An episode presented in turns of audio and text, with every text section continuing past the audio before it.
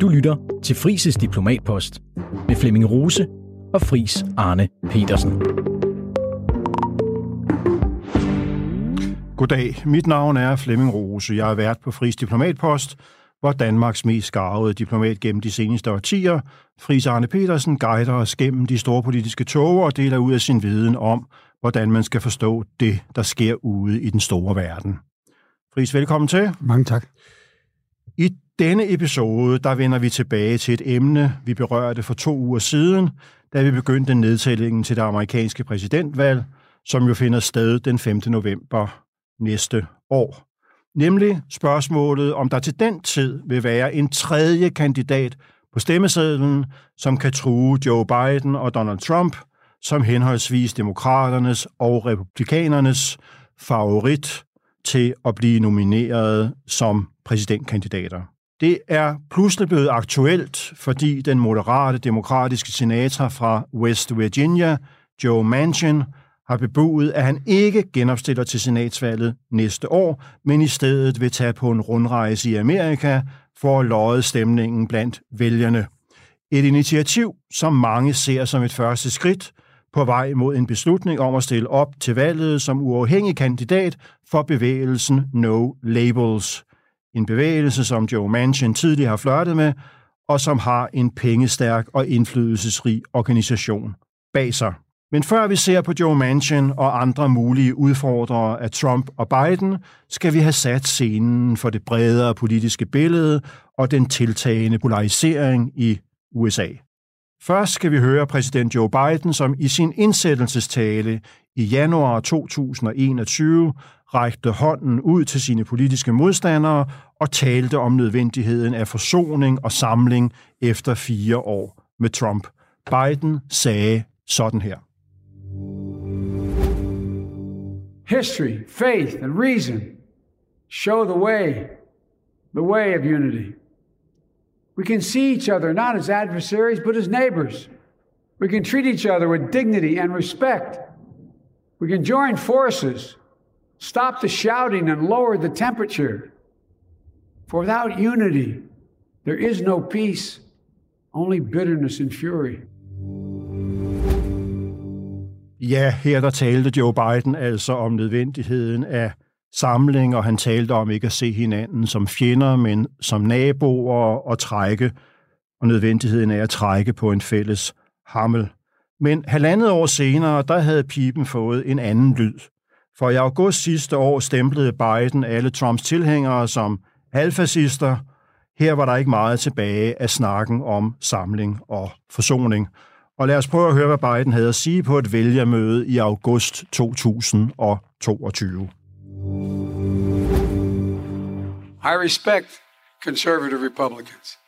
I don't respect these MAGA Republicans. The MAGA Republicans don't just threaten our personal rights and economic security, they're a threat to our very democracy. They refuse to accept the will of the people. MAGA Republicans don't have a clue about the power of women. Trump and the extreme MAGA Republicans have made their choice to go backwards, full of anger, violence, hate, and division. But we've chosen a different path. Forward. Her der var øh, Bidens politiske modstandere ikke længere venner, og der skulle ikke længere rækkes hen over midten, men der bliver talt om had og splittelse, og at Trump-republikanere ikke vil anerkende valgresultatet i 2020. Og så er der Donald Trump, som jo bruger et stadig mere ekstremt sprog om sine politiske modstandere, alt imens de juridiske skyer trækker sammen omkring ham. Og for små to uger siden så sagde Trump sådan her på et valgmøde i New Hampshire, hvor et af de første primærvalg finder sted den 23. januar 2024, og hvor Trump allerede har et stort forspring. Lad os høre, hvad han havde at sige der.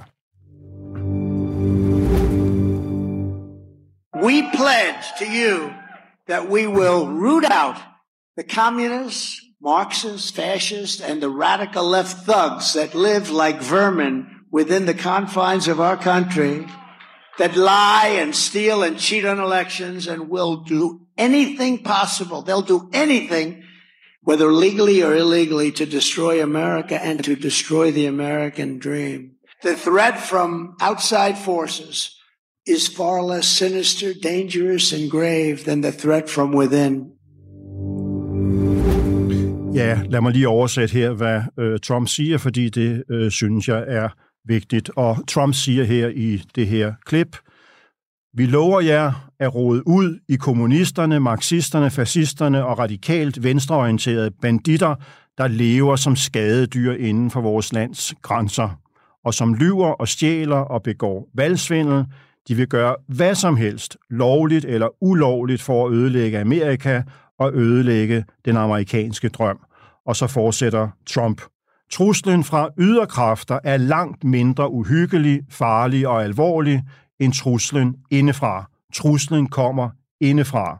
For hvis man har en kapabel, kompetent og klog og hård leder, så vil Rusland, Kina og Nordkorea ikke lege med os. Okay, Fris, øh, det var en længere introduktion. Jeg beklager, at øh, jeg måtte tale så meget, men det var nødvendigt lige for at sætte scenen. Lad os tage øh, Joe Biden først. Han havde jo sådan set brudt sit valgløfte om at regere hen over midten længe før nogen seriøst troede, at Donald Trump kunne gøre det politiske comeback, vi er vidne til i de her uger og måneder. Hvad gik galt for Biden? Ja, han mødte, tror jeg, en kongres, der i virkeligheden overraskede ham, til trods for, at han som så gammel senator burde have kendt den deling, den polarisering, som dine citater her viser. Og den næsten naivitet, han udtrykte i sin tiltrædelsestale øh, ved kongressen.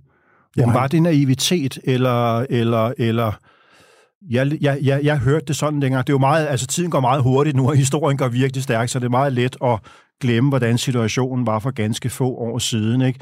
Men sådan som jeg husker det øjeblik, Friis, det, det er jo, at Biden bliver valgt, han ser det, man ser det som en reaktion på, at et flertal af amerikanerne er dødtrætte af fire år med kævl og splid og polarisering og splittelse, og Biden tror sådan set, at han taler ind i et rum her, hvor, som han har opbakning til. Jamen, jeg tror, Eller hvad? Nej, men jeg tror, den tale, han Ja. holder ved kongressen, ved sin tiltrædelse, på mange måder er den vigtigste tale for en amerikansk præsident, tiltrædelsestale. Hvad vil du?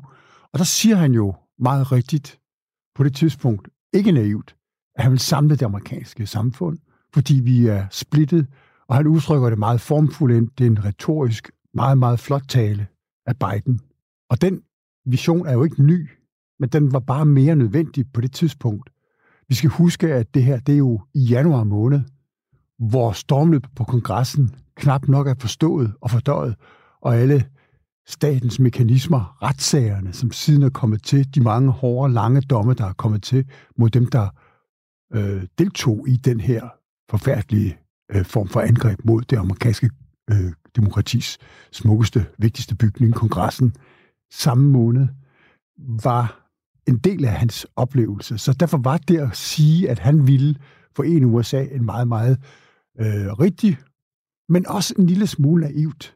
Hvad, Fordi- hvad, hvad, hvad, fordi hvad det- mener du med naiv? Jamen det naivt, det er fordi, han, han, han gik ikke ind i, hvor svært det er at forene to partier, to forskellige politiske ideologier, som har bevæget sig så uforsonligt fra hinanden. Hvis det bare var politiske afstande, politiske forskelle, politisk kultur, men det er jo en, det er jo en, en, en tilkendegivelse. Det er også derfor, at det amerikanske demokrati er så fascinerende for os europæere, for os danskere at følge med i, fordi retorik, oratoriske kraftpræstationer, øh, det at kunne få formuleret politik elegant og så slående, så hårdt, så rammende, det er noget, som amerikanerne i den grad har lært fra britterne og kan og excellere i.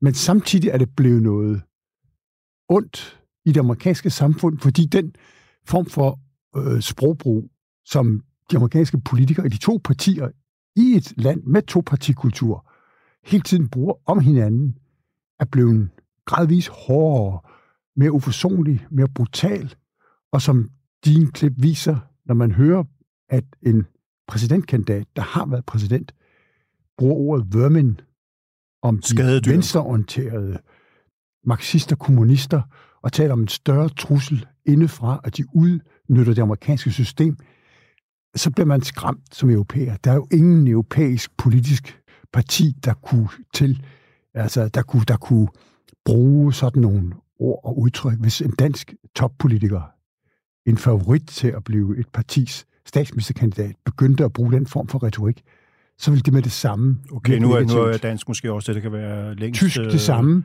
Fransk. fransk det samme. Der, men der er en hårdere tone også i europæisk demokrati, men Ja. vi, vi, vi er meget langt fra. Ja. Så, så, men det, jeg prøver at sige, det er, at jeg synes, at en mand, der har været i senatet 40 år, burde på en eller anden måde have haft en mere kvalificeret, altså nogle, nogle, nogle, nogle forbehold ind. Vi skal begge partier anstrenge os for at nå hinanden. Han skulle ikke gøre det til sit solo-job som amerikansk præsident og samle USA. Det kræver begge partier. Det kræver, at den tabende kandidat også anerkender valgsejren. Det gjorde han ikke. Det gør han stadigvæk ikke.